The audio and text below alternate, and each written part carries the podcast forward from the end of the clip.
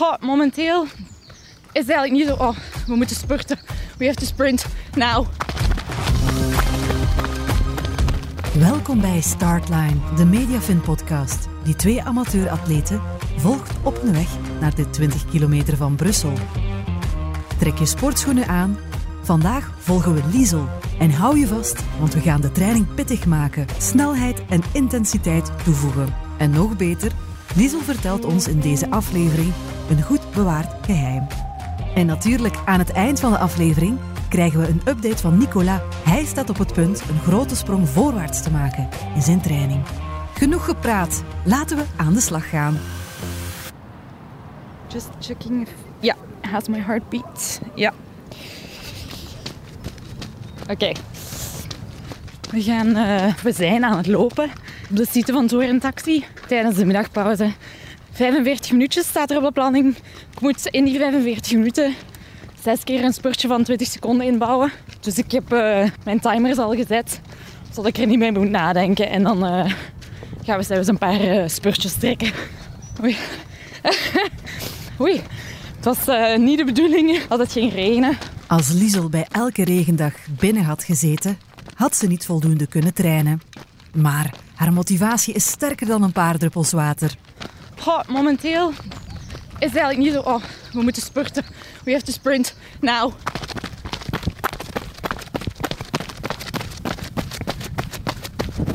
Oké, okay. we kunnen terug trager lopen. Kijk, wat was ik aan het zeggen? ja, de motivatie. Ik vind het niet zo moeilijk momenteel.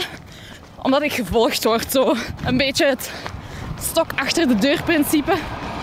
Dat er iemand meekijkt, Bart. Dan is het voor mij niet moeilijk om te volgen. Het heel. het is gewoon aan het halen. Het was net al een beetje aan het regenen. Het is ook best koud.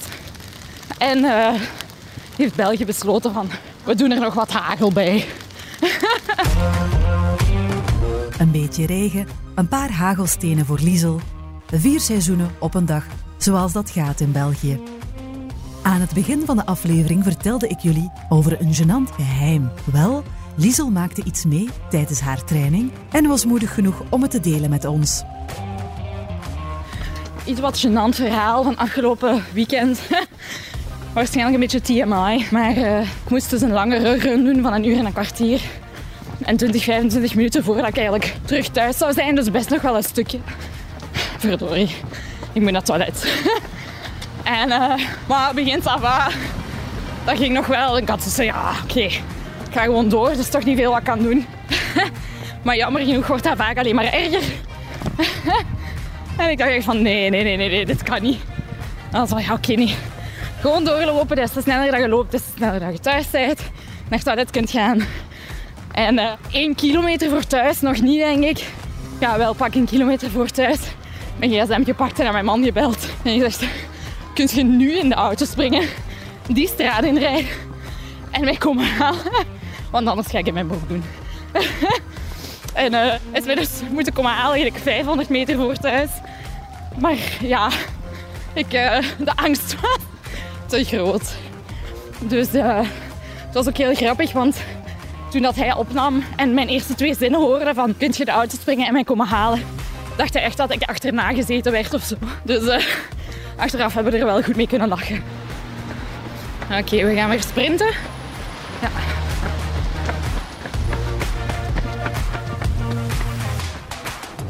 Liesel heeft nog een paar kilometers en een paar sprints. Ik ga mijn microfoon opbergen en ga lunchen. Ik zie haar bij de debriefing op Tour en Taxi. De run voor uh, vandaag zit erop. Het is wel uh, leuk om zo eens een run op maandag te doen. Geeft mij iets meer uh, ruimte de rest van de week.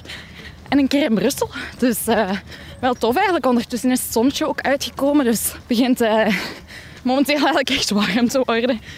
Het is echt een beetje een run van vier seizoenen geweest of zo. Maar het was tof. En daar gaat onze atlete recht naar de douche. Want de welverdiende lunch wacht na 45 minuten training. Ik heb jullie ook nog nieuws beloofd over Nicolas. Donc voilà, euh, au niveau update, je n'ai plus couru depuis bientôt plus qu'une semaine. Je n'ai pas couru euh, parce que je n'ai pas trouvé le temps ou parce que la météo était vraiment dégueulasse et que je n'ai pas du tout envie de courir sur la pluie Et il y a quelque chose que je dois avouer aussi, je n'ai sans doute pas couru parce que je suis arrivé à faire 10 km et que je suis quelqu'un qui se satisfait assez vite. Et donc j'ai un peu l'impression d'y être arrivé, alors que je sais bien que je suis encore bien loin du but. Mais je suis en train de me reposer sur mes lauriers, parce que je me connais quand même un peu par cœur. Et donc là, comme j'ai fait 2-3 fois 10 km, j'ai un peu tendance à dire euh, que c'est réglé. Alors c'est loin d'être réglé, parce que les 10 km, euh, je les cours dans la souffrance et j'ai très mal aux genoux quand je dépasse 7-8 km. Donc c'est un peu l'enfer. Zoals zijn coach Bart zei, doet Nicolas de dingen op zijn manier. Geen tijd om te trainen, dat is geen probleem. De uitdaging gaat hij sowieso aan. Comme je ne suis pas très, euh, comment dire ça, comme je ne suis pas très euh, discipliné, que je ne cours pas assez, je devrais courir hein, vraiment au, minimum deux fois par semaine, voire trois. Euh, pour me forcer, je me suis inscrit aux 15 km de Woluwe, qui ont lieu un mois avant les 20 km. Et donc j'espère arriver à boucler les 15 km à ce moment-là, et puis enchaîner sur plusieurs fois 15 km avant, avant le jour dit, le jour fatal. In de volgende aflevering beginnen we met Nicolas, want er staat hem een essentiële stap te wachten in zijn parcours. Deze wedstrijd wordt zowel een test in zijn training als zijn langste loop ooit. Als hij de 20 kilometer van Brussel wil halen, zal hij eerst de 15 kilometer van Woluwe moeten overwinnen. Zullen zijn knieën het volhouden? Zal hij aan de startlijn staan? Bedankt om te luisteren naar Startline, een podcast van Mediafin en beschikbaar op je favoriete podcast-app.